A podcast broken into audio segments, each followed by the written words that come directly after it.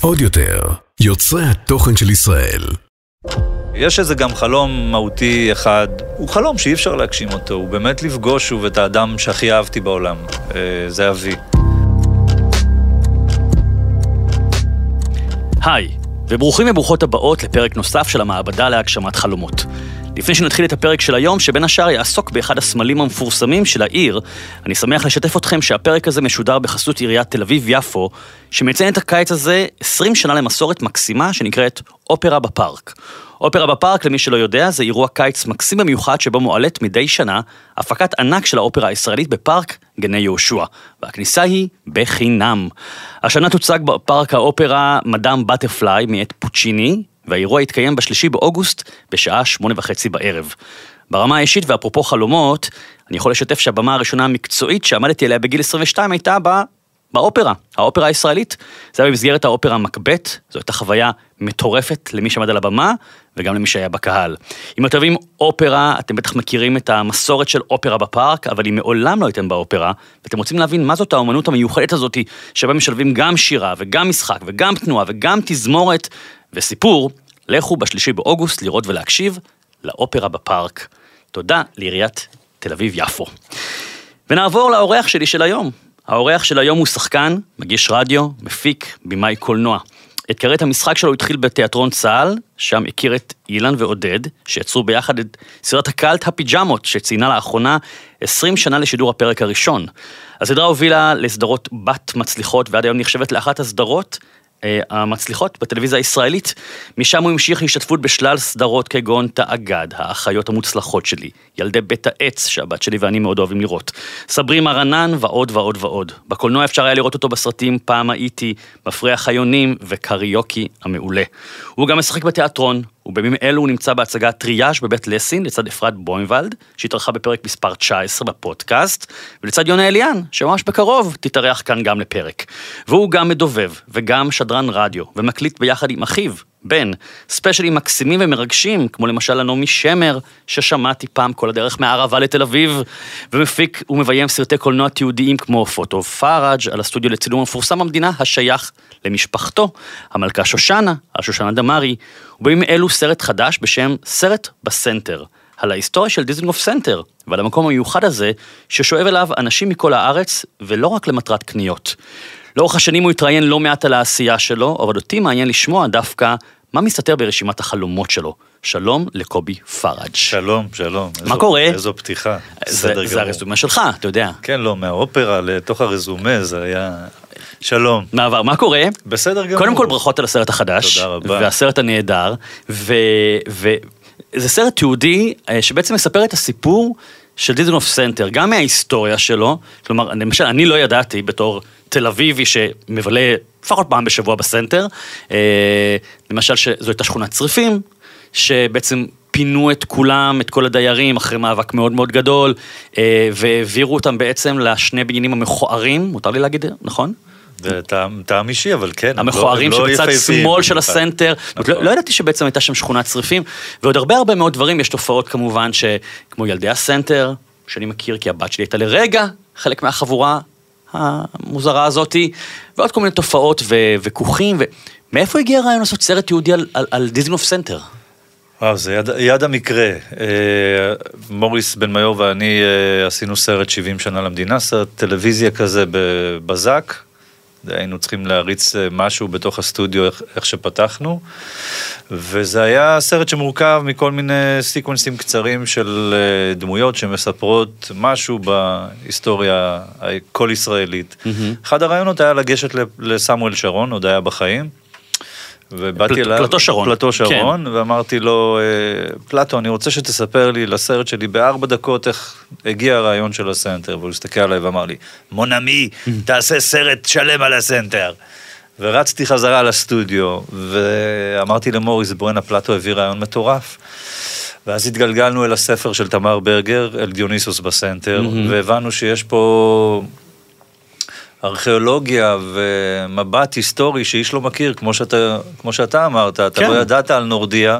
כן. ואחד הדברים שאותי, אני זוכר שפעם ראשונה שהאוזניים שלי עמדו, זה כשפגשתי את הדיירת הזו שמופיעה בסרט, והיא אומרת, כשהילדים עברו בטיול השנתי שם, והיא נופפה לאנשים שגרים ליד, ליד ביתם, אמרו, אמרו לחברים שלה לכיתה, את גרה במעברה?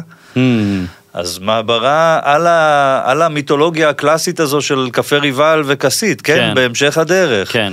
אז כן, זו הפתעה מאוד מאוד גדולה, וכמובן השכבה ההיסטורית שהגענו אה, בחפירות האלה עד אל בעלי האדמות הפלסטיני שהיה שם.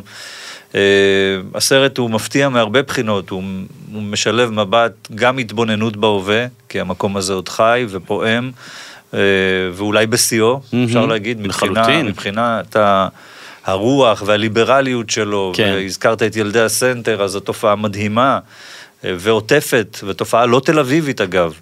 אה, מכל קצוות כן. הארץ מגיעים ילדים דחויים ומוצאים שם את עצמם. על הגג. על הגג, כן. הם, מוצאים, אה, הם מוצאים את מי שדומה להם, הם מוצאים חיי חברה, הם מוצאים את עצמם. אה, ויש במקום הזה, זה לא עוד קניון, זה לא עוד מרכז קניות, אנחנו התאהבנו בו, מוריס חי בשכונה הזאת, מהמם. אני מביא את הילדים אל הפיל כמו כן, כל אה, כן. תל אביבי. אה, ועבורי הוא מסמל גם איזושהי תל אביב קצת יותר צנועה ממה שאנחנו חווים היום. העיר בתוך עיר הזו, כן. הסנטר, יש בו משהו שהוא הוא נורא לוס, הוא נורא משוחרר, הוא נורא לא מחייב, נכנסים עם הכלבים, נכנסים עם האופניים. זה לא להיכנס לקניון רמת אביב ולא כן. להיכנס ל... ל... לא יודע, ל... אני זוכר שכשהייתי הולך עם סבתא שלי בימי שלישי אחר הצהריים לגן מאיר ולדיזינגוף סנטר, אז תמיד כשהיינו הולכים בדיזינגוף, אז היינו חותכים דרך הסנטר להרוויח את המזגן. אתה מכיר את זה? אתה כן. בין שער, אה, לא יודע, אה, שלוש לשער אה, חמש, כן, כן, או משהו זו בסגנון. הייתה הכוונה של האדריכלית, שזה כן. יהיה קטע עיר. כן, זה, באמת מעניין, כי למשל מגלים שם, זה אני באמת זוכר, הייתי אמנם נער, אבל אני זוכר שהיו את המסיבות אה, שם מתחת לחניון, כן. וכמובן בסרט הופתעתי לגלות שיש ממש, תכננו שם ממש מעבר מתחת לסנטר, ממש, כן, הייתה, הייתה, היה תכנון לעשות ממש רשת אה, תת-קרקעית של כבישים, ויש מערה חפורה מתחת לכל רחוב צ'רניחובסקי בעצם, עד כיכר השוטר בואכה בוגרשוב. מטורף. אה, כן, יש כל מיני חללים כלואים כאלה בעיר, מסתבר. כן. ואני מניח שיש עוד המון דברים שלא גילינו, ולא כן. גילו לנו, מה שנקרא. בשבוע שעבר הייתה, הייתה הקרנת בכורה, ועכשיו בעצם הסרט הוא בהקרנות מסחריות בקולנוע לב. איך זה לראות קהל יוצא מ, מ, מהס- מסרט בסנטר לסנטר? זו חוויה מאוד ייחודית. זה משהו שישב לנו בראש כל הדרך. אנחנו דמיינו את התחושה הזאת. אני זוכר, היה, היה לי מקרה כזה בפוטו פרג' ש... פרג', הדוד שלי, כן, שהוא הגיבור בסיפור, התיישב באולם, הוא היה מגיע הרבה להקרנות, וגיא זוהר, גיא זוהר ישב שורה לפני, לפני, לפניו, והוא לא ידע שפראג' מאחוריו, וכשהוא קם ונעמד מהסרט, הוא הסתובב וראה את פראג' מאחוריו, הוא נורא, האיש יצא לו כן. מהמסך. אז יש את החוויה הזאת, זו חוויה מאוד ייחודית, אה, לצאת מה... מהסנטר, שאתה חווה אותו, אה, אתה מרגיש בתוך איזה קיוב גם, כי פתאום מדברים גם על הקולנוע. נכון. ויושבים שם נורית נכון. ואיז'וז'ני, ואתה יושב בתוך הקולנוע. אה, זו חוויה אדירה שישבה לנו בראש כל הזמן. אני מקווה שזה יביא קהל, אה, קהל צעיר נורא מופתע. אה, זה כאילו... קיבל את אופיו של המקום גם, כן. הדרך שבה הסרט הזה מסופר. כן. מאוד אקלקטי, מאוד מבוכי, אתה לא באמת יודע, נכון, שמנו timeline של שנים, וזה מה שעושה לך סדר בהתפתחות, אבל זה לוקח אותך ומשחק איתך בנקודות שונות כן. בזמן. אז עכשיו זה בקולנוע לב, ובסוף השנה זה יהיה ב-HOT שמונה. אז אני, אני מניח שכמו שאנחנו היום בעידן הסטרימינג, הוא ימצא את דרכו לכל מי שאי פעם הגיע לסנטר, וזה הרבה מאוד אנשים, אז יש לה לעשות איזה פוטנציאל של קהל גדול מאוד. הבת שלי אגב, צפתה את זה יחד איתי, באמת, היא, היא, היא חיה בסנטר, היא, אתה יודע, יל, ילדי קניון, ו, וזה היה, זה יצא באמת שיח נורא מעניין בינינו, כך שאני באופן אישי ממליץ לכל מי שמבקר בסנטר, מכיר את הסנטר, סקרן לגבי הסנטר, וגם לגבי תל אביב, ו, ומעבר לזה, לגבי ההיסטוריה שלנו, כי באמת, אה, אתה יודע, לא התכוונת לעשות סרט פוליטי, אבל אי אפשר להימלט מה... לא, אני חושב שאנחנו עומדים, עומדים מאחורי זה באופן אה, חד משמעי, זאת אומרת, אה, אנחנו אה, מדינה עם היסטוריה מאוד קצרה, אה, יש סיבה שהסרט נפתח באדיב חינאווי ונסגר באדיב Mhm. חינאווי, אה, אנחנו עומדים מול זה באומץ ומסתכלים אל הדבר הזה. אה, אומרת תמי ברגר, זה סבך של סתירות, ואנחנו חיים על אדמה כן, שהיא סבך של סתירות. לחלוטין. אנחנו גם מקליטים את הפרק הזה בתקופה מאוד אה, סבוכה. תגיד לי, אה, בערך בעשור האחרון אתה עושה סרטים תיעודיים, אה, מאיפה התגלגלת לזה? זה משהו שאפרופו חלומות, תמיד אמרת, יום אחד אני אעשה סרטים תיעודיים? איך, איך, איך זה התגלגלת לזה? ידעתי שאני אכנס אל הסיפור המשפחתי שלי באופן הזה. Mhm. זאת אומרת, זה היה משהו שמשחר נעוריי אני זוכר שההתמודדות הייתה, גם ידעתי את, את הגיל שלהם וגם הבנתי שזה נורא טבעי לכוון אליהם מצלמה. אוקיי, אז רק היו- בשני משפטים למי. שלא מכיר, בוא תספר את, את הסיפור של גם הסרט וגם המשפחה. סרט הביקורים שלי עסק אה, במשפחתי, אה, הייתה משפחה מיתולוגית בעולם הצילום האנלוגי, חמש אחיות וחמישה אחים. אה, הייתה שם פרידה כואבת, משפחתית, עסקית, של נתק של כמעט ארבעה עשורים. ואני חשבתי שאני יוצא למסע איחוי עם המצלמה, וגם משהו מאוד שכיח שאנחנו מחפשים תמיד ורואים בסרטי ביקורים, שייכות. Hmm, זאת אומרת, אני נולדתי הרבה אחרי ה... ה...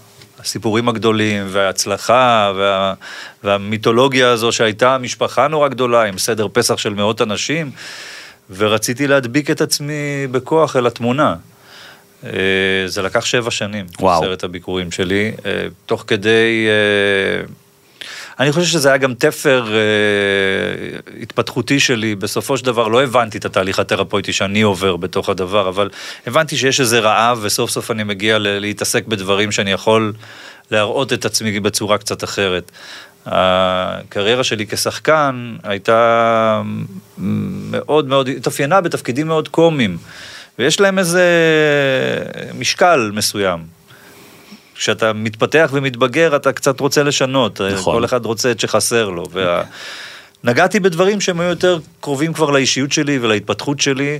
אה, חזרתי הביתה קצת אל המלאכה של הצילום, של סריקות נגטיביים, של... אה, זה היה ממש חזרה הביתה, אל כן. ארכיונים. אה, אגב, למדת קולנוע דוקומנטרי או קולנוע שפשוט בעצם היותך שחקן ומי שמכיר את המצלמה, אה, זה הספיק לך בכדי לגשת למלאכה? לא, עשיתי המון טעויות. עשיתי המון טעויות והיו לי מורים נפלאים מסביבי שמוש דנון המפיק של הסרט הציב מסביבי, היו לי מורים כמו לוי זיני והעורך שלי שהוא שותף שלי כבר עשר שנים עד היום, מוריס בן מיור. גידי וייץ העיתונאי ליווה אותי אה, מבחינת תסריט. היה לי, הייתה לי קואליציה שגוננה עליי מאוד. זה מאוד קשה, מאוד מייסר אה, לעשות סרט אה, ביקורים ועוד על המשפחה שלך, ואחריות נורא גדולה. אה, אבל הייתי עטוף. הייתי הצלחת- עטוף. הרגשתי בדידות, בדידות איומה, כן. אבל גם הייתי עטוף באנשים. אה, הצלחת קצת לחבר אנשים? בעיקר את הדור השני, בעיקר את הדור השני, זה חלק מה... גם מההתפתחות שלי בתוך העשייה, של להבין שזה לא יקרה. זאת אומרת, אם יש closure לסיפור הזה, זה להבין שהחלום שלך תוך כדי תנועה לא הולך לקרות. לא במחיר של סרט תיעודי, יפלו כן. עכשיו איש בזרועות אחיו. אה, אבל זה כן הזרים הרבה דם משותף, זה כן יצר אותי באיזשהו אופן, העמיד אותי על הרגליים. אה, ופתר אולי את הקונפליקט גם לעשרות בני דודים. Hmm. היינו כמעט איזה 100 בני דודים ראש השנה אחרי זה ביחד, וואו. פתאום, בעקבות הדבר הזה. והוא עשה בסוף יצירה יוצאת מגבולות הגזרה של עצמה, והתפקיד שלה זה להאיר בתים אחרים. אה, למשפחת פראג' אין סכסוכים, אני אומר, על, על, אין, אין מונופול על סכסוכים משפחתיים. לגמרי. אה, וזה היה התפקיד של הסרט הזה, ולשמחתי הוא הצליח מאוד. הוא קיבל אה, חיבוק גדול, ועד היום הוא סרט שזוכרים אותו. הוא פתח לי את הקריירה הזו של ה... ובכלל, אתה יודע, אם אני. מחבר כזה, גם, גם בעשייה הקולנועית וגם בעשייה הרדיופונית ברדיו, אז הזכרתי את התוכנית שלך, את הספיישלים, את התוכנית עם אחיך, שבאמת אתם אה, ככה כל פעם מעירים על, על אנשים אה, מהעבר אה, התרבותי הישראלי, חלקם אולי נשכחים, אולי חלקם לא זכו לתהילה מספקת, ואתם זורקים עליהם זרקור. מאיפה, מאיפה זה הגיע להגיד, הרי אני מניח שאתה יכול לבוא לרדיו עם הרבה רעיונות אחרים. למה זה? יש, יש איזו זיקה מבית אל, אל אה, גיבורי התרבות האלה שסללו את הדרך. אה, לא סתם התגלגלתי, הסרט השני שלי היה על אה, יוסי בנאי Mm, בכלל. נכון. היה לי רעיון להביא את יוסי בנאי בקולו עשור אחרי לכתו. אמרתי שאם יש קול זכיר בתרבות הישראלית של מספר, זה יוסי. ומוריס ואני אספנו כמעט 400 שעות ארכיון של יוסי וואו. בנאי, ומישהו הגדיר את זה תחרה עדינה. רקמנו מונולוג של 72 דקות. אה, האהבה הזאת באה מהבית. אבי התקבל ללהקת הנחל ולא התגייס, אה, היה לו לופוס שהוא סחב איתו מהמעברה, נשאר במעבדות של האחים פרג'.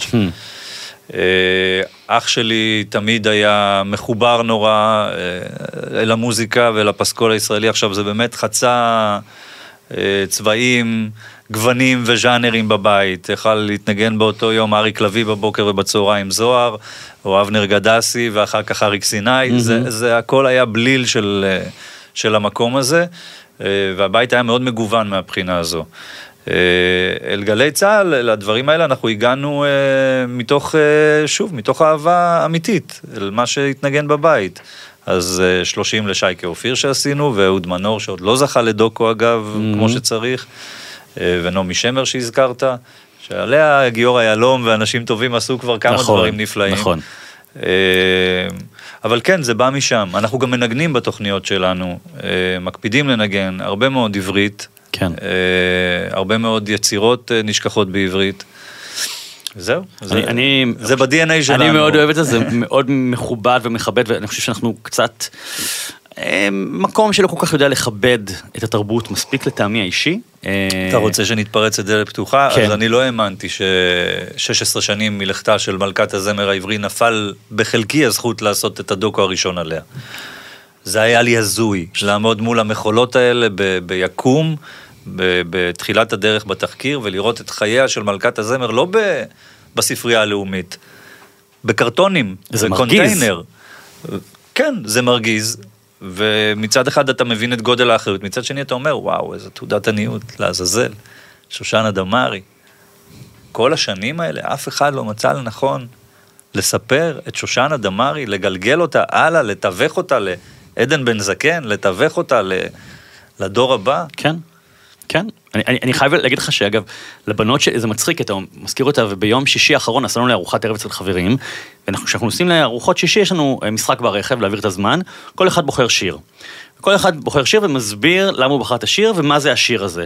אז אה, ילדה קטנה בוחרת אנה זק ומסבירה מי זאת אנה זק ומה השיר. ואני אה, מדי פעם בוחר כל מיני אה, שושנה דמארי, כלניות, ומספר עליה, או הדורס, ואז הבנות שלי אומרת, אבל אבא זה שיר של שמונה דקות, כל מיני דברים כאלה. והשבוע, הבת שלי הקטנה בחרה לשים לנו את כלניות של שושנה דמארי.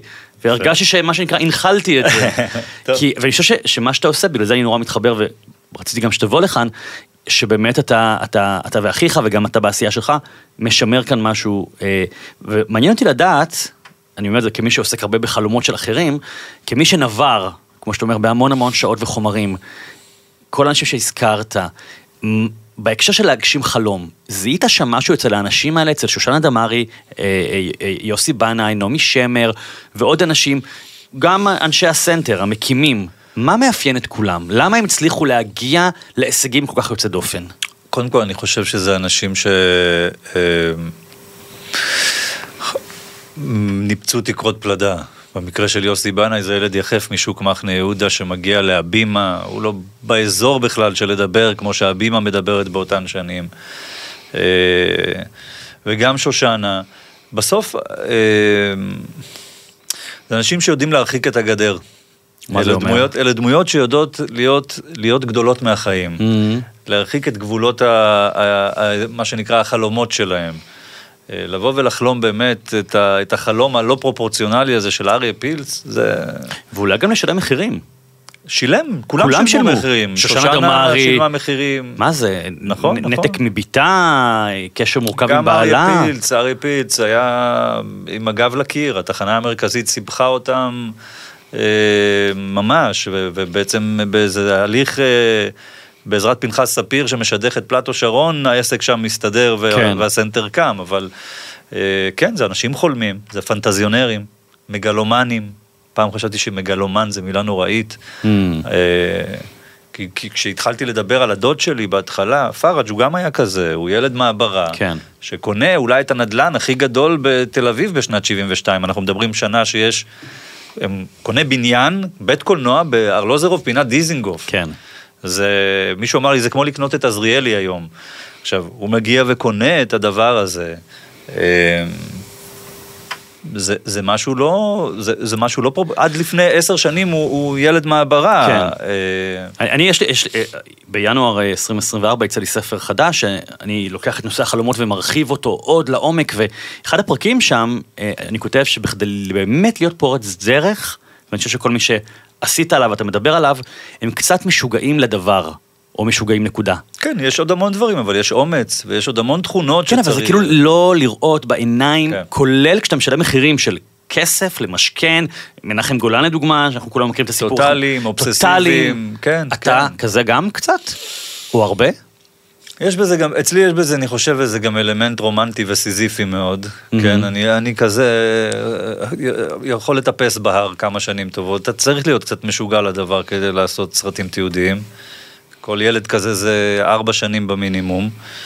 אה, אני חושב שאני כזה ב, ב, בהתמסרות ובלשים את הראש על הכרית וזה לא עוזב אותך, כן, שם אני נמצא, ו, ובאחריות, ובפחד שהוא חלק ממנו מלווה כל תהליך כזה שיצא טוב. השקעת זמן וכסף? כן, ההקרבה, ההקרבה היא אלמנט אה, מאוד גדול, זה לא, אה, שוב, אה, כל, זה, זה נחלת כל הדוקומנטריסטים במדינתנו. אה, זה לא לבוא, ל, זה לא, שמע, החיים לא קלים גם לשחקנים, אני לא עושה את, ה, את ההשוואה, אבל יש פה איזה משהו שהוא כמעט התאבדותי. Mm, כי אתה יוצא לדרך עם משהו שהוא אה, באמת, הדלק לא מספיק. mm. הדלק לא מספיק לא ברמת התקציבים, הדלק לא מספיק לא ברמת המשאבים והזמן שזה לוקח, הדברים האלה. אה, והלוואי, הלוואי, אני, מדברים על אה, שינויים, אז הלוואי ויימצאו עוד פלטפורמות. התאגיד קצת הציל את כן, העסק. אז, אז תכף נגיע לרשימת החלומות, שזה כן. אחד הסעיפים, אני, אני שומר את זה לתכף, אבל, אבל באמת, איך מעניין אותי לדעת, ואפילו יש לי גם פרק שאני אקליט אה, בקרוב, שעוסק באיך מגייסים כסף לחלום. אני באופן אישי גייסתי עד היום באמצעות מימון המון, אתה יודע, Head Start, כן. מיליון וחצי שקלים להוצאת ספרים. איך, איך אתה מגייס כספים? אז זה גופי שידור, ועד כמה שזה מפתיע, אה, לא כולם רצו לעשות עוד סרט על יוסי בנאי, ועברתי ודפקתי בארבע דלתות, וואו. ופוטו פראג' לא קיבל קרנות קולנוע בסיבוב הראשון, דפקתי בדלת של קרן רבינוביץ' שלוש פעמים. אה, זה לא פשוט. אז רגע, זה, זה לא- מעניין, אתה אומר דפקתי שלוש פעמים ואז כן קיבלת? כן. כלומר, אז בואו רגע נמרקר את זה למאזינים, כי אנחנו גם פה בשביל ללמוד במעבדה. הלא, הלא בונה אותנו, הלא, הלא בונה אותנו, וזה מספיק יושב לך בקבסה, כן. החלום שלך לעשות את זה. הסרט ביקורים שלי היה דבר מוחלט, זה היה ברור שזה הכרח, בתוך הסיסטם שלי אני צריך להוציא את הילד הזה החוצה, את הסיפור המשפחתי הזה. זה לא היה לי איזשהו מקום, אתה יודע, להתבחבש עם הדבר הזה, זה יקרה. כן. זה המישן שלי, ואני אוציא את הסרט הזה. אה, ארבע שנים הדוד שלי לא הסכים בכלל להצטלם והתחלתי את הסרט, זאת אומרת, זה היה אה, אניגמטי, כמו שוגרמן כזה, אמרתי, אני אעשה יצירה שהוא איננו. כן.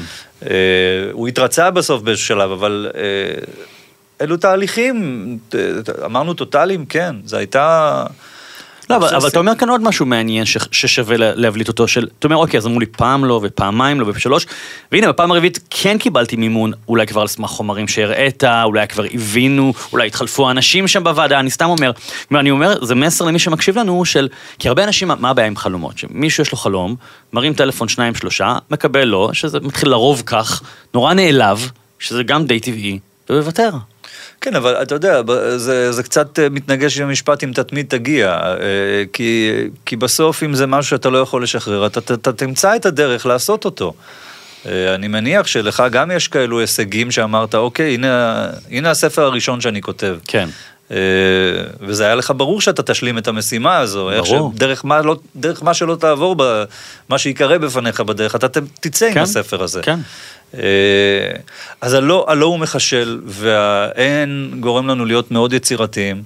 אה, זה לא רק תלונות, זאת אומרת, לעבוד מהאין זה משהו שאנחנו לומדים פה מגיל מאוד צעיר. את התעשייה, ובדוקו זה כזה. אתה מעמיס את הגריפים על האוטו שלך, ואתה מראיין, ואתה מקליט, ואתה גם מזמין אוכל לצוות בצהריים. מהמם. זה העולם התיעודי, הוא, הוא גרילה, אבל היא נראית מפוארת. כן, אתה כבר בפרויקט הבא? בכמה, כן. כן? כן. אוקיי. אני, ב- אני ביוסף שילוח, Mm. שהוא מעורר בי הזדהות עמוקה מאוד מאוד. אז הוא, והוא גם ברשימה שלך, אז אנחנו ניגע בו מיד. אז אוקיי. יוסף שילוח. יש לי אה, סדרה תיעודית על ש"ס, Mm. שלושה פרקים, משהו שלא ידעתי שאני אתגלגל אליו בחיי, ולא כיוונתי את ה... אריה דרעי ההפלגה מדבר? לא, Mm. אריה דרעי לא מדבר. אוקיי. אריה דרעי לא מדבר, מדברים המון אחרים, אבל אריה דרעי מדבר בארכיונים. אוקיי. יש לו... לא מעט שעות ארכיון. מעניין. אפרופו התקופה הסוערת של המדינה שלנו. מאוד, מאוד, אבל אני חייב להגיד שזה כאילו הנחיתו אותי בגלקסיה רחוקה, אה, ואני לא רק עם ביקורת, יש שם גם אנשים שמעוררים בי המון המון אמפתיה, אה, בטח הסיפור שלהם, ההתחלה, אה, וכן, זה, זה, זו עשייה, זו תמונה מאוד מורכבת, אני עוד לא יודע איך זה ייראה בקצה, כן. המבט אליהם הוא מאוד מאוד מורכב. וגם אני לומד מהסיפור הזה. אז עולה לי שאלה, אתה יודע, אתה, אתה עוסק בעשייה הדוקומנטרית ואני מבין מבין הדברים, זאת אומרת שיש כמה פרויקטים במקביל וכל מה שפרסת לפנינו מה העבודה, ובמקביל אתה בתיאטרון ומן הסתם יש חזרות ומגיע פה לטלוויזיה ושם לקולנוע, וגם ברדיו וגם יש לך את אבא לשני ילדים קטנים. כן. אה, איך, אה, איך, איך מג'נגנים את כל הדבר הזה? כי... פעם, פעם הגיוון נורא ייסר אותי, וחשבתי שאם אני אהיה אה, מגוון, אז אני אשלם מחיר ולא אגיע. Mm. אם אני לא אהיה ספציפי, אז אני לא אגיע. כי ככה מגדלים אותנו, מחנכים אותנו. כן, אבל, אבל אז הבנתי שהגיוון הוא כוח והוא מפרה בכל מיני, כל, כל מיני סיטואציות, בכל מיני מגרשים שונים. זאת אומרת, זה, יש משהו... אה, נורא מאוורר, פתאום, אני צוחק, אני יוצא ממשמרות עריכה, או ש"ס, ש"ס, ש"ס כל היום, ואז הולך להיות רופא בטיפול נמרץ בבית לסין לשעתיים. כן. אה, יש משהו מאוד מאוורר בזה. אני מודה שהורדתי רגל מהגז בכל מיני, וגם באופן טבעי, דברים נושרים. כן. אתה בסוף בן אדם אחד. אז אני לא עושה 20 הצגות בחודש, אני בהצגה שמתאימה כן. למידותיי מבחינת הלו"ז. אה, והרדיו הוא, הוא באמת לא במשקל כבד, זה בלילה, זה עם אחי, זה, כן. זה בשבילי מפגש אה, שאני, אני קורא לזה הטיול הלילי שלי. אה, יש חיים אינטנסיביים, אין בכלל ספק שהעשייה היא מאוד מאוד אינטנסיבית. אז אבל... אני, אני שואל שוב, לטובת מאזינים שאומרים, אוקיי, יופי, גם אני עושה גם משרת יום וגם חצי משרה וגם בחוג, אבל גם יש לי שני ילדים. איפה מוצאים את הזמן? יש לך, נדמה לי, גיל חמש וגיל שנתיים? כן, שלוש. שלוש. שלוש. מה שנקרא בהצלחה עם זה. כן. יש לך שתי תינוקות בבית, פחות או יותר. כן, שני בנים. אה, אני מוצא את הזמן. אני מוצא את הזמן, אני לוקח אותם כל בוקר לגן, אה, אני מחזיר מהגן, אני מקלח. אה, לא מצאנו את הזמן לפני חמש שנים שהיינו עולים על ואנים למוצקין בשלוש בצהריים, עשרים הצגות ברצף. Mm-hmm. שם הורדתי הילוך. כן. ואני אדון לעצמי במובנים האלה. ההצגות שלי רובן בתל אביב. אה, על דיזינגוף, mm-hmm. הילדים בצ'רניחובסקי גן מאיר. אני מוצא את הזמן, אני מוצא את הזמן, אבל זה לקח זמן עד שהבלנס הזה הגיע. הבלנס כן. בכלל הנפשי לקח זמן, כי כי היו הרבה תקופות שהמכלים היו ריקים, אני מודה. השנות ה-20 שלי, מה שנתפס כשנים של פריצה והצלחה ומותג, ו... והוא שלי גם, הפיג'מות זה כן. שלי. אה, היו שנים ריקות במכלים.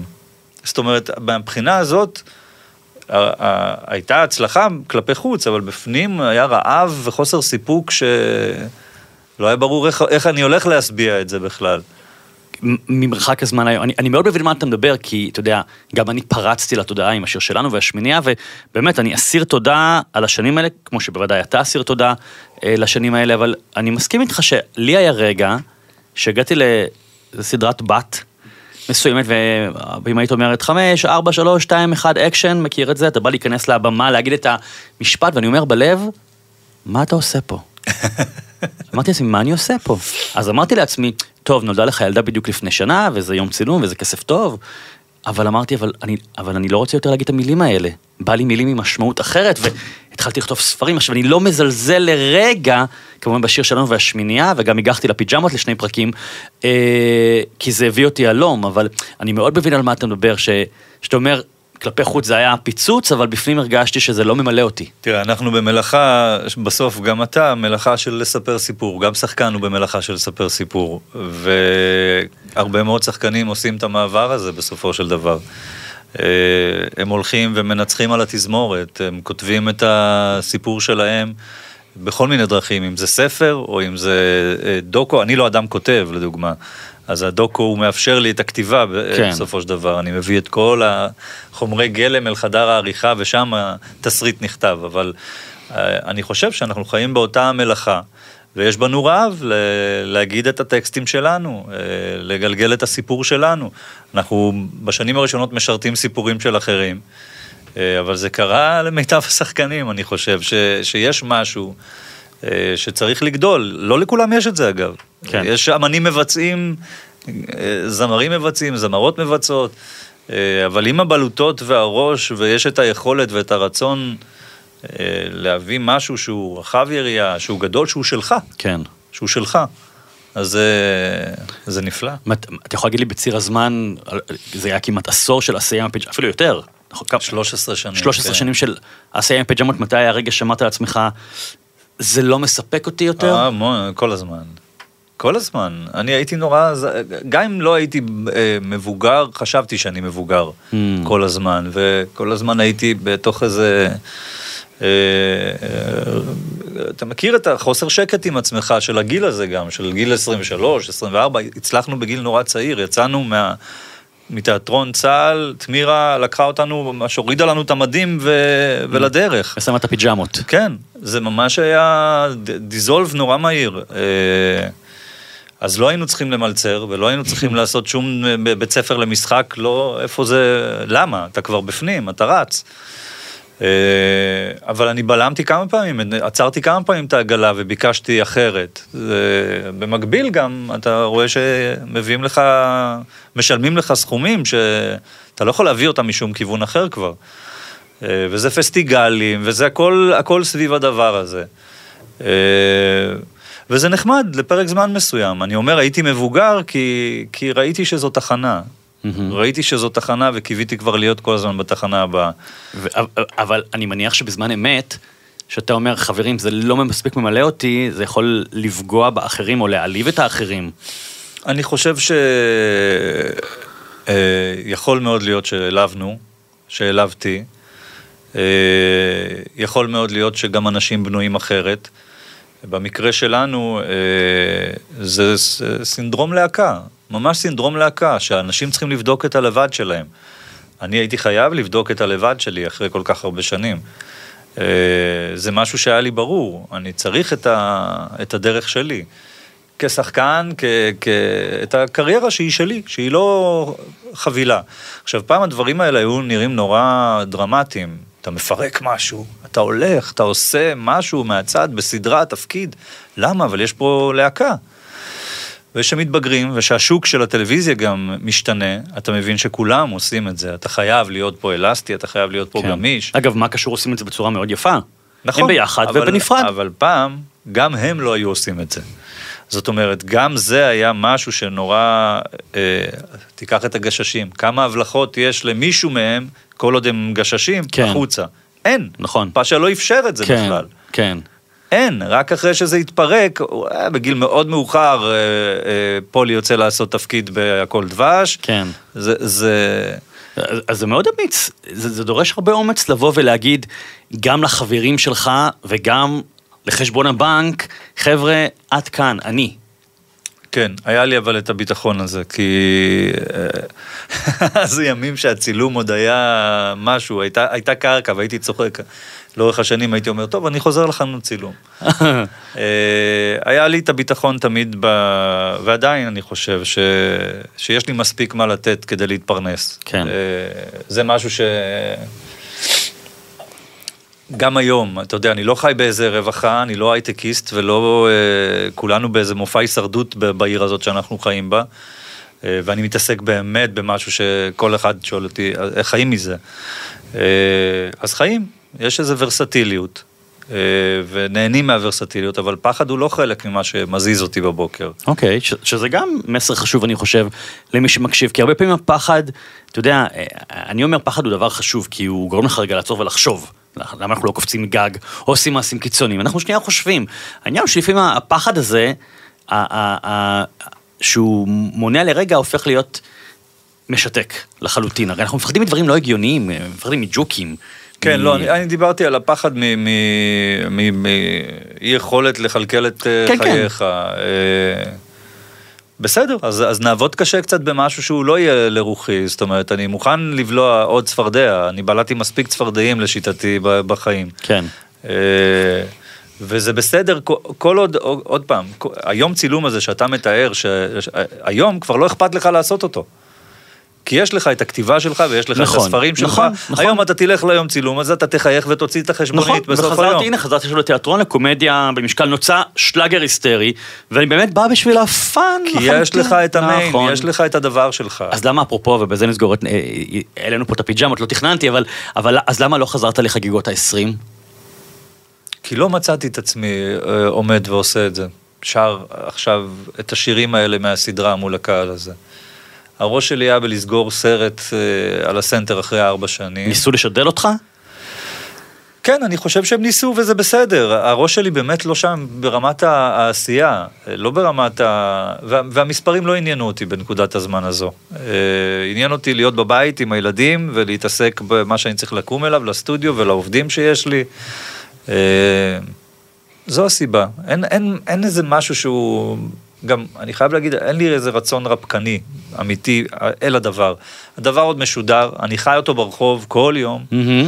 אה, ואני נדהם גם ממה שעודד עושה, שזה מדהים בעיניי שהוא מצליח להביא קהל כל כך גדול אה, שגדל על זה, אבל אני באמת לא שם, בבא לי לא בא לי. אבל לא בשבילך, לקתרזיס לקהל, תן לה... אה, הנה יש לו, יש לו את זה בטלוויזיה והוא מקבל את הקתרזיס, עובדים קשה בשביל שיהיה לו קתרזיס, זה באמת נגמר ב... סליחה, הבא לי לא בא לי. אני מאוד מקבל, יש לי פרק שלם שעושה כאן בבא לי לא בא לי, רק לכו למה שבא לכם. אז, אז זה- ממש זה, אני מעדיף אה, אה, להיות עם זוגתי או עם אה, הילדים בבית. אוקיי, אנחנו עוברים לרשימה שלך. כן. אתה אדם של רשימות? אתה כותב רשימות? כן, אני כותב, אה, כותב באובססיה, אה, מחברות צוחקים עליי, כל יום הולדת אני מקבל איזה ארבע מחברות Mhm. כאלה מפונפנות. יש לי כבר לעשר שנים קדימה מחברות. אני כותב אה, משימות, לא רשימות. כאילו, אוקיי. מטלות, מהמם. אה, וזה הצטברויות כאלה של, של דברים, וגם חוזר תמיד אחורה לראות מה לא הסתיים, מקדם אותו. אוקיי, בסדר, יפה, אז אתה בקשר עם הרשימה. איך היה לך לשבת לכתוב את רשימת החלומות למפגש הזה? רע מאוד. למה? לא, כי, כי פתאום חשבתי, מה החלומות, כאילו, מה... על איזה נקודות כאילו באמת אפשר לפרק את, ה, את החלומות, שוב, את החלומות שלי. כן. יש איזה גם חלום מהותי אחד, בסופו של דבר, שמניע אותי. אני די מגשים את החלומות שלי. אוקיי, אז מה זה החלום הזה? הוא חלום שאי אפשר להגשים אותו, הוא באמת לפגוש שוב את האדם שהכי אהבתי בעולם. אה, זה אבי. אה, ו- וזה, אני יודע שאני אומר לפגוש אותו, אני יודע שזה לפגוש אותו דרך יצירה. Mhm. זאת אומרת, אני עוד לא יודע איך לקרוא לה, אני לא יודע... איך קוראים לאבא שלך? עזרא. עזרא. והוא נפטר באיזה גיל? 71, כשאתה בן, 38. שזה צעיר. אני לא יודע. הוא צעיר או אני צעיר? אתה, רגע? אה, 71 זה גם יחסית לימינו, כן. סבא שלי נפטר לאחרונה בגיל 100, אה, בשיבה טובה. אה, 71 של ימינו זה לא, אתה יודע, אני, אני ישר מההקלטה הולך ל... לבית קברות להזכרה של אימא שלי, שנפטרה בגיל 62 לפני ארבע שנים. אני יכול להגיד לך ש... ואני הייתי בן 42, ש-42 זה צעיר, גם 38 לאבד אבא זה צעיר. כן, כן, בטח כשאתה מגדל ילדים ואתה רואה את ההיעדרות הזו מול העיניים, אתה רוצה שהוא יהיה בתוך כן. העולם הזה ש... ש... שוב, הכוח הזה שניתן לי היום להמשיך, מהמם. זה בזכות השני הקטנים האלה. כן. אה, אבל היה לי קשר מאוד מאוד עמוק איתו. אה, הקשר הזה ממשיך לחיות, ממשיך להתקיים, אה, ואני מבקש לפגוש אותו, שוב, ב- ב- ו- אנחנו מדברים על חלום, אז אני מבקש לפגוש אותו בדרך יצירה, דרך עשייה. אה, גם כשאני עוצם את העיניים, אני מבקש לפגוש אותו, זה עדיין לא כזה פשוט. רגע, מה- היה בקשר שלך ושל אבא שלך כל כך משמעותי עבורך? כי לא לכל ילד לא, לא אבא... לא הרבה דיאלוג, לא הרבה... אה, הוא היה איש עם המון שקט אה, פנימי, ולא הרבה... אה, אני לא זוכר המון שיחות נורא נורא עמוקות. המובן מאליו היה מאוד מאוד חזק. הקשר, ה... התדר הפנימי בינינו היה מאוד מאוד חזק, מאוד עוצמתי, אה, מגיל מאוד מאוד צעיר. הייתי מעין בבואה שלו. אה, וראיתי במעשים שלי גם, אתה יודע, שמעתי לא מזמן מישהו אומר שבסוף אנחנו רוצים לשמוע, היית ילד טוב. Hmm, היית ילד טוב. כן. זה מה שאנחנו רוצים לשמוע מאבא, מאימא, בסוף החיים. והמעשים שלי, ללכת ללהקה צבאית, להראות לו את, ה, את אותו החלום שנגוז, ללכת, ללכת ולנסות לקרב את המשפחה שלו, שהוא כבר מזמן הדמעות יבשו אצלו, mm-hmm. אבל כשאני יוצא לדרך, זה הזיכרון של אותו ילד שראה כן. את אבא שלו בוכה על המשפחה שלו. אה, היה קשר מאוד מאוד עמוק והייתה בו איזושהי יכולת אה, רוחנית מאוד גבוהה, להכיל הכל. כן. אה, ומבט נורא יפה על העולם. הוא אף פעם לא תבע את הזמן שלו. שמעתי אותו בחיים שלי מקלל, mm. או אומר מילה לא, לא טובה על מישהו. Mm. היה בו איזה... אני, אני, אני מאוד מתחבר למה שאתה אומר, אפרופו הצורך להיות ילד טוב להורה, כי סיימתי לפני שבוע כתיבת ספר, ושלחתי לכמה אנשים קרובים אליי אה, כמה פרקים, ככה טעימה, לא יכולתי להתאפק. מכיר את זה שאתה שולח איזה כמה, איזה דקה של עריכה לאנשים קרובים, mm-hmm. ו, וקיבלתי תגובות מאוד טובות. ואמרתי לחלקם, אמרתי, זה מדהים, כל המחמאות שקיבלתי, אבל יש אדם אחד שאני לא אקבל ממנו יותר מחמאות, וזאת אימא שלי. כן. שכאילו, אה, מחמאה של אימא או של אבא, לא משנה, גם זה קשור גם כמובן לקרבה שלך לאותו הורה, אין על מחמאה של אבא, אנחנו בסוף, אני רואה את זה אצל הקטנה שלי, שהיא כל, אני נורא רוצה שאני אגיד לה שאני גאה בה, על איזה ציור כן. באמת שוקמק שהיא מביאה, או על איזה ריקוד שהיא עושה בסלון. אתה ממש רוצה, ומי שאיבד הורה יודע ש... אין את המחמאה הזאת, מחמאה מאוד ספציפית, שאף אדם בעולם לא יכול לתת לנו. אני ברמה הכי אגואיסטית בעולם, הייתי מת לראות את החיוך שלו מסתכל על הילדים mm. שלי, זה מה ש... זה הדבר. הוא לא זכה לראות אותם? את הגדול עד גיל שנה. Mm. אבל להיות, אתה יודע, אני איתם בסיטואציות שאני מוצף באושר, וזה הדבר היחיד שעובר לי בראש. כן. איך הוא לא פה עכשיו? כן. איך הוא לא פה? כן. אני רואה שאתה מדבר ואתה מתרגש. כן, אין, אה, אין, אה, אין משהו אחר. אתה חשבת אפרופו דרך, אתה יודע, כששלחתי את הרשימה, אז באמת זה היה, זה היה סעיף שרשמת, אה, ובאמת, אתה יודע, אני שומע את זה אגב מהרבה אנשים שרוצים להתאחד שוב עם, עם אדם אהוב, ואין דרך, אלא אם כן עם אחד איזושהי מכונה או המצאה. אני אומר להם בחצי כזה חיוך, תעשה, לו, תעשה אלבום. שב ותנבור בארכיון, כן. ותעשה לו אלבום, אה, ותראיין את כל מי שבחיים ותוציא סיפורים. אה, עשית משהו כזה אפילו ברמה... אני עוד לא מסוגל לגשת לשם. Mm. אני לא מסוגל לגשת לשם, אני מסוגל לדבר את זה כבר הרבה יותר. כן. אה, גם לחלום זה בא לי לעיתים מאוד מאוד רחוקות. אני מפרק עדיין כל מיני דברים בקשר שלנו. אה, אני מפרק את הטראומה של הפרידה, עדיין, בפנים. פחות מדבר עליה, עליה בכלל לא. הוא נפטר בפתאומיות או כן, שזה... כן? כן, ניתוח שלא הצליח. Mm. אה, אבל אני ללא ספק אביע את זה באיזשהו אה, אופן יצירתי, זה, זה כן מובן לי. כן. הוא צילם המון בחייו, הוא כתב, וזה מעניין אותי מה יהיה. זאת אומרת, מעניין אותי גם מעניין אותי הרגע שהילדים שלי יראו את פוטו פאראג' לצורך mm. העניין, אתה מבין? הילדים כן. שהם עוד לא יודעים שאין סבא. כן. אגב, אפרופו העסק המשפחתי הזה, המורכב, תרתי משמע, היה ציפייה שאתה תהיה ממשיכי הדור שם? כן, זה קרה באופן טבעי, אני עוד בשנים הראשונות של הפיג'מות, אני עוד מפתח תמונות 10-15 mm-hmm. מבריק אומת. היו שתי חנויות צילום לפלג שלנו אה, בפתח תקווה. אחת עדיין בקניון בפתח תקווה. אה, וזה היה ברור שאחי לחנות אחת ואני לחנות השנייה, וההורים אה, באים איפה שצריך. כן. אה, אבל אני ביקשתי אחרת, אמרתי גם, אני קיבלתי טלפון איך שאחי השתחרר, היה איזה פער של שנתיים, אחי היה צלם במחנה, mm-hmm. ושנתיים אחרי שהוא השתחרר קיבלתי טלפון ממפקד במחנה, הוא אמר בוא, קדימה, בוא, קדימה, בוא, בוא, לא צריך כן, כלום. כן. ואמרתי, אני הולך לנסות את מזלי ולהתקבל לתיאטרון צה"ל. אם אני מתקבל, אז שכח ממני, אם לא, אני בא. אוקיי. Okay. התקבלתי, ואני זוכר, אני ממש זוכר את הבחינות. זה היה רגע הזוי לחלוטין. אני לא ידעתי מי זה חנוך לוין. וואו. אני מגיע לבחינות עם טקסט של שמוליק אספרי, אה, מתוך ההצגה המלך, mm-hmm. על זוהר ארגוב. כן. ועושה מונולוג של זוהר ארגוב, ואני שומע את כל התלמה אלינים, כולם אומרים חנוך לוין, חנוך לוין, חנוך, אני, מי זה חנוך לוין? וזה היה, רגע, ישבו באמת, אתה, היום אני מסתכל על השורה שם, מיקי גורביץ' ודטנר ועמית גזי, כאילו היה שם סוללה, הלל מיטלפום. וואו. כן. ואיזה ילד מחנות צילום, שכל ה... היה קצת גישה ללהקות נוער בפתח תקווה וכזה, אבל לא באמת... אה, לא באמת היה איזה מסלול מו- אה, מובן. כן. אני חושב שנתפסתי כאיזה משהו אתני מאוד, ומישהו לא שגרתי. עשו אפליה מתקנת איתך. לא, הוא פייק, דטנר, אז אמרתי לדטנר, דטנר פתח לי עיתון ופייק, עשה לי, "אה", אל תגיד שאמרתי. אוקיי, לא, לא. אנחנו- אנחנו לא נוציא מזה טיזר לרשתות.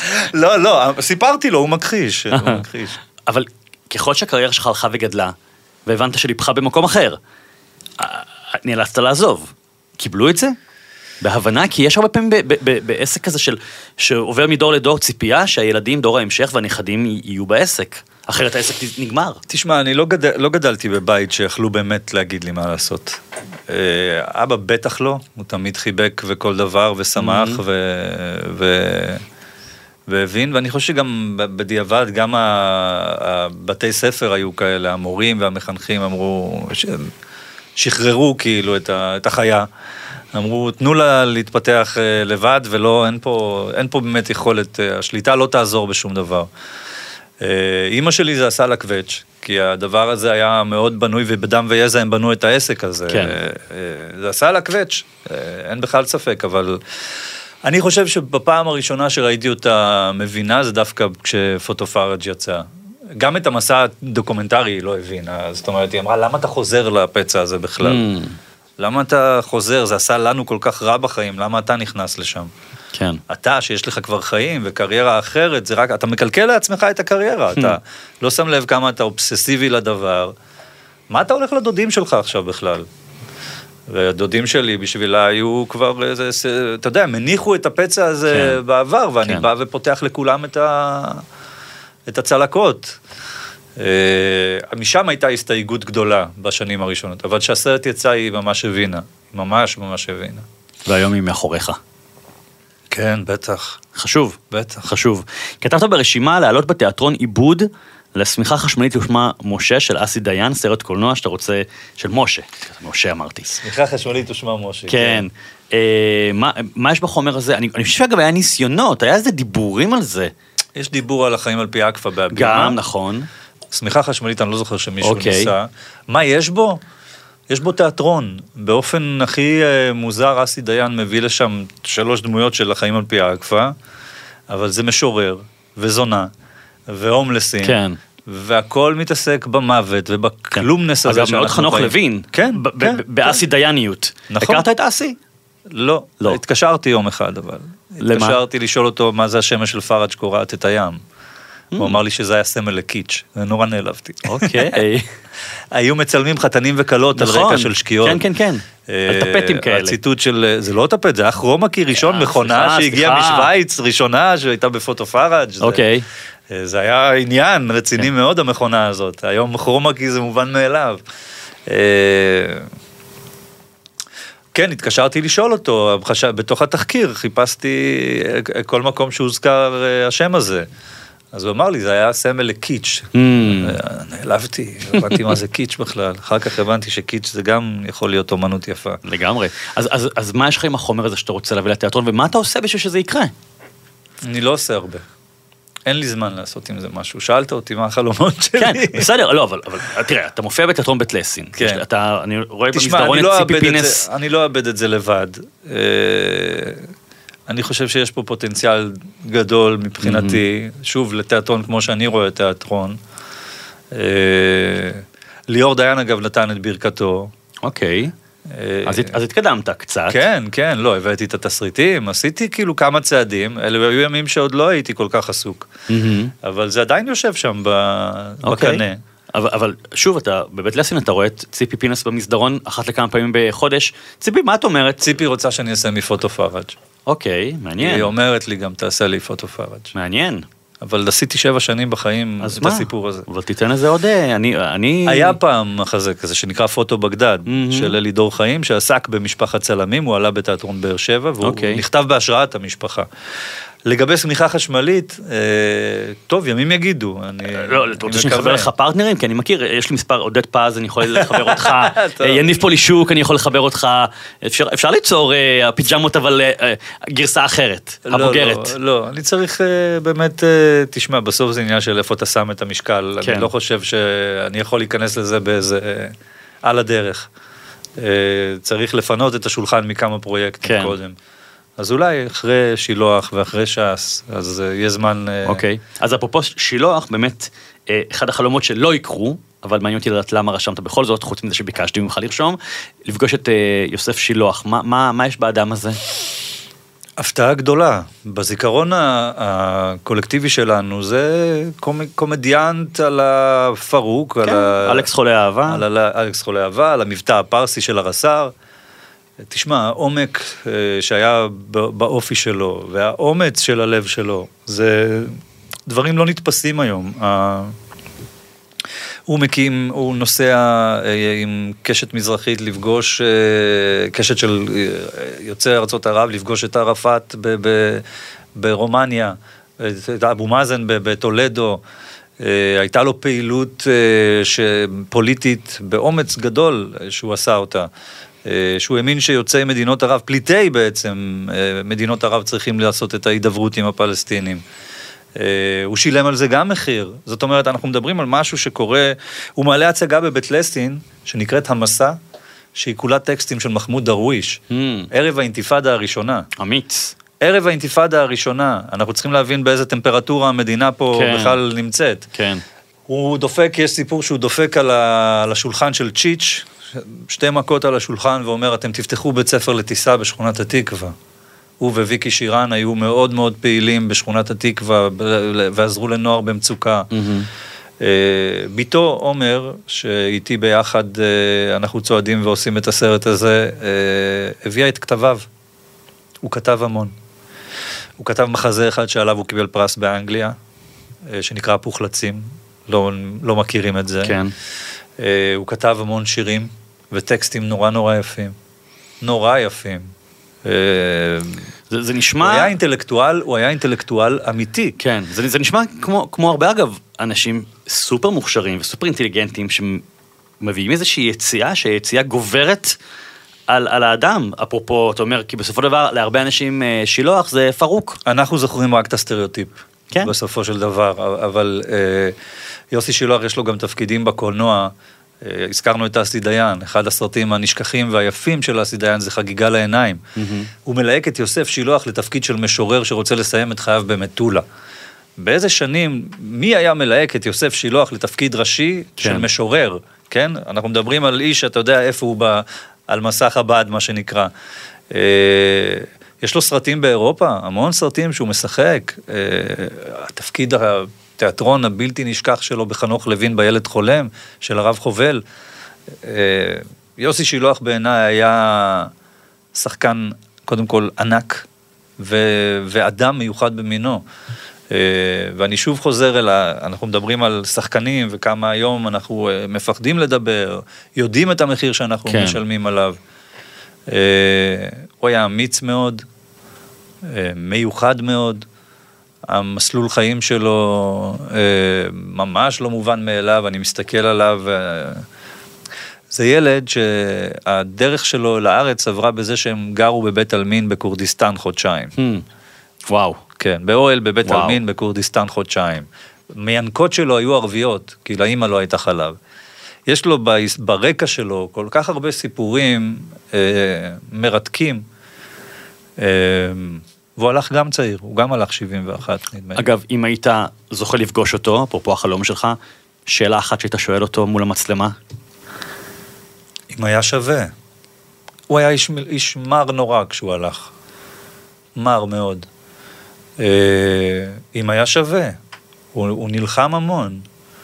הוא נלחם המון, המון, המון, בכל כך הרבה מגרשים, וראו שזה כואב לו וזה גומר אותו, והוא נשחק מזה. Hmm. אה, אתה יודע, אם היה שווה. הוא אחד שיכל להיות, אה, אם הוא היה פחות מעורב, במקומות אחרים. מעניין, על מחיר האמת. שזה גם משהו שאני מתעסק פה הרבה בשיחות. לא על... עניין אותו התפקידים שלו. לא, המשחק לא עניין אותו, אני מדבר עם עומר, הוא אומרת לי, עזוב את ה... זה, כן. לא, זה לא עניין שלו היה בכלל, הוא לא דיבר על תפקידים, הוא לא דיבר על הסרט הבא. כן. הוא מעניין. דיבר פוליטיקה, הוא דיבר אה, צדק. הוא חיפש צדק. כן. בטח אל, אל מי שחי, אל השכנים שלנו, ובטח הוא חיפש את הצדק. מה הוא היה אומר על הרפורמה? כל הסיפור עכשיו, על עם עזוב, הוא ישראל? היה מת פעמיים. זה...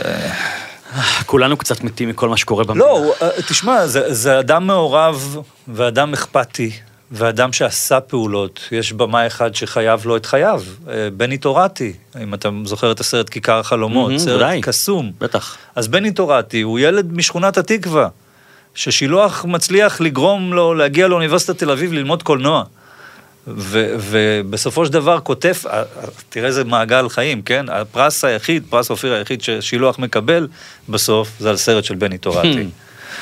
אה, הוא מעורר בהזדהות עמוקה, אני מחכה כבר מת להגיע אל, ה- אל, ה- אל העומקים ולרבדים של הסרט מעניין, הזה. אז יש למה לחכות. אנחנו לקראת סיום, אה, רשמת כאן עוד, עוד שני דברים, אני מחבר ביניהם. אחד זה לטוס למס, למסעות צילום רחוקים. כן. אה, אי אפשר לקחת ממך את המצלמה, אה, את הצילום. מה, מה היית רוצה? אני חושב שאנשים, אבל גם גיליתי שטבע, טבע כבר גם עושה לי את זה. הגעת לגיל. הגעתי לגיל, אפרופו נעלי הספורט שהחמאתי לך, אמרת לי, כן, אני כבר בגיל. אני כבר בגיל. אז גם, אנחנו כבר עברנו נעלי ספורט, והדבר הבא זה מכנסי טרנינג, ואופרה, וצילומים טבע. לא, אני, אני באמת אוהב אדם, אה, אבל אני חושב שזה מאוד חסר לי. אני באמת אה, מייחל לעצמי לצאת ליותר משבועיים, אבל אה, זה לא נראה בעתיד הקרוב. למה? אבל מה אם פשוט לנעוץ ביומן? אה, לא יודע מה, חודש יולי, המשק חצי מת, הילדים בקייטנות. זה לא כזה פשוט. למה? כי אה, צריכים להוציא פרויקטים מהסטודיו. בסדר, אז מאצילים שנה סמכויות. הבאה, שנה לא, הבאה, שנה אבל זה הבאה. העניין, שאומרים שנה הבאה, ואז, אתה יודע, מגיעים לא, לגיל. לא, עשיתי כזה, אני עושה גיחות של שבוע, אמסטרדם עם הילדים, זה, Mhm. זה אני עושה. רשמת שאתה רוצה עם, עם הבנים להקיף את איסלנד? כן, זה עשיתי עם אבא שלי. וואו, את איסלנד? כן. מדהים. הספקתי לעשות את זה איתו, ואני רוצה... לסגור מעגל. כן. מדהים. וזה, וזה משהו שהוא על הפרק, או שוב כזה? שהם יגדלו קצת, שיעריכו את הטבע. כן. בגיל 40. לא, לא, עוד קצת. בן כמה אתה היית כשהיית שם? לא, לא מזמן, זאת אומרת, אה, אני חושב שזה היה 2015. אוקיי, אה, כלומר כבר שאתה אדם בוגר שיודע להעריך כן, טבע, כי, כן, כן. כי יש איזה גיל. ו... זה כוכב לכת המקומות האלה, זה נחמד, זה הכי רחוק ממה שאנחנו יכולים אה, לדמיין. לדמיין פה. אני רוצה לסיים, אפרופו הרשימה, פתחנו עם העשייה ועם הסרט החדש, אה, סרט בסנטר, וברשימה שלך זה באמת אה, להגדיל את תקציבי ה... איך ניסחת את זה? אה, להרים את תקציבי התמיכה בדוקו. נכון. מה המצב כיום? כמה הוא מזעזע? אז אה, הוא מאוד מזעזע, זאת אומרת, אה, יש איזו משוואה בין העלילתי לדוקו, שהדוקו הוא בקושי מגרד את ה-15%. זאת אומרת, אם קרן קולנוע נותנת 2 מיליון לסרט, לתסריט עלילתי, אז תסריט, אה, פיתוח דוקומנטרי מקבל 200 אלף שקלים. עכשיו, אה, אני לא מבין על סמך מה הפרופורציות האלה, אה, אבל כן, באופן כללי, השוק התיעודי הישראלי הוא שוק פורה מאוד, אה, וכולם עושים ניסים. בלי יוצא מן הכלל, ואם אתה לא מתעסק בסכסוך, אז היכולת שלך לגייס מבחוץ כסף היא אפסית. וגם פה, תשמע, אני בסוף על שושנה דמארי, מפעל הפיס לא הבאתי כסף, אה, קרן, קרן אחת, שושנה דמארי, כן? אה, בסוף אתה, אתה נורא, זה משהו שאתה חי אותו כל הזמן, בתחושה של, האם בסוף את הארכיון הזה אני אצטרך לשלם מהבית? כן. להוציא כסף מהבית בשביל הארכיון הזה. זה לא צריך להיות וזה ככה. קורה? אה, זה קורה. אתה עושה, מושך את השמיכה לכל מיני כיוונים. כן. זה קורה, כן, בוודאי שזה קורה. הסרטים האלה נראים נורא grand, נורא גדולים. אה, בטח שושנה היה כזה סרט שאמרת, וואו, זה קיבל את מידותיה של. הגברת. אה, אבל זה סרט מאוד יקר, הוא סרט בחריגה. הוא בחריגה, אתה חי, אבל מהפרויקט הבא שמכסה את הארכיונים של הפרויקט הזה. כן. אה, הסנטר גם נסגר על, על הגחון. גם סרט מאוד עשיר ויזואלית, זה הכל כספים. אז קודם כל צריך באמת לקוות ששוק הטלוויזיה יתפוס איזה צורה. אה, כולם פה תמיד מרגישים על איזה קרי תרנגולת, אבל גם להגיד תודה בכלל הוט 8 לצורך העניין, כן? שזה הבית שלי ליצירה בשנים האחרונות, אה, נותנים לי את הגב הזה. נותנים למוריס ולי את הגב הזה של... אה, אני לא רואה את הסרט על יוסי בנאי קורא, נניח, שאתה אומר, למה? יש שני סרטים, עשו כבר סרטים, אז למה? כן.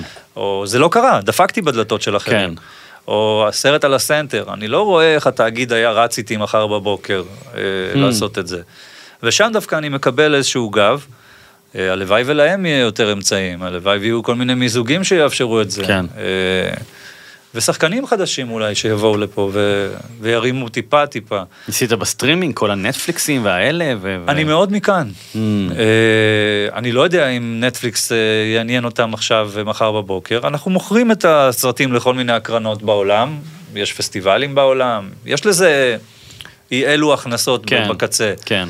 אה, אבל הדרך היא על גבול הבלתי אפשרית. תשמע, אני חושב שמה שאני לוקח מהשיחה איתך, מאוד משמעותי, אה, זה, זה באמת את, ה, את ההקשבה שלך לעצמך, אם זה אפרופו הפיג'מות, שאומר, אוקיי, אני מבין מה זה הדבר הנפלא הזה, לא עוד בשבילי, אני זקוק למשהו אחר, וגם כשאתה מוצא את המשהו האחר הזה, אם זה עשייה דוקומנטרית שיש לה מחירים, תרתי משמע, אה, משמעותיים, אתה אומר, אני הולך על זה, כי זה, מה ש... זה החלום שלי ואני אני רוצה את זה.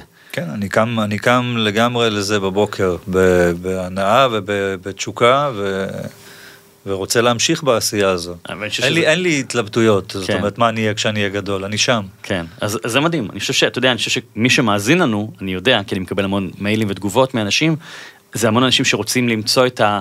אני שם, או אני פה. עכשיו, אגב, אני שם זז, כי אתה כן. הגעת לפיג'מות בגיל 20 וקצת, ואני מניח שבהתחלה היה לך נורא נורא כיף, ובאיזשהו שלב אמרת, עדיין כיף לי, אבל זה כבר לא בשבילי, ואני רוצה משהו אחר, ויכול להיות שאנחנו נדבר בעוד עשור, ותגיד לי, תשמע, נכון? אני בכלל בפוליטיקה העירונית, סתם אני צורק. אוי ואבוי. כן, לא? אני בפוליטיקה הארצית. לא, לא, לא, אוקיי. לא, סתם כדוגמה. אני, חוזר לצילום, אגב, אני חוזר לעסק המשפחתי. זה עלול לקרות. לא, למצלמה, היא גלשן רוח, היא- כן. היא מלווה אותי כל החיים, כן. היא לא... אה, לא, אבל, אבל זה מה שאני אומר, שמה שיפה בחלומות, ואולי בזה אני אסיים, שהם כמו אפליקציות, תמיד יש עדכונים, זה לא נגמר אף פעם. נכון. גם כשאתה לכאורה במקום שאומר, זה המקום, אני קם בבוקר, אני מאוד שלם, אני מוכן לשלם מחירים, וואלה, אנחנו זזים. זזים, ובעוד עשור, יכול להיות? שהתשוקה תהיה במקום אחר. מי יודע. אז uh, אני, אני רוצה לס, לסיים ולהגיד לכל המודאגים והמודאגות שאומרים, רגע, אני לא כמו קובי, אני לא במקום שלי. בסוף מוצאים את המקום.